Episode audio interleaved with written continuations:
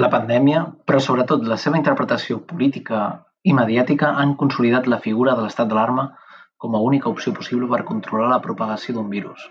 com si la publicació de normes als butlletins oficials actuessin com a retrovirals davant d'una societat irresponsable i indisciplinada.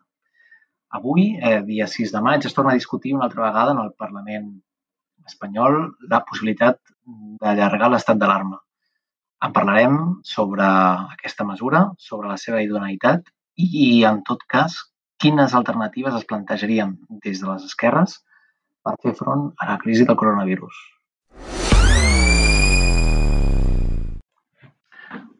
A l'estat espanyol, els estats d'alarma, excepció i setge estan previstos a l'article 116 de la Constitució, que remet a una llei orgànica de la seva concreció i les limitacions corresponents, norma que va ser aprovada l'1 de juny de 1981 i que ha estat inalterada fins avui.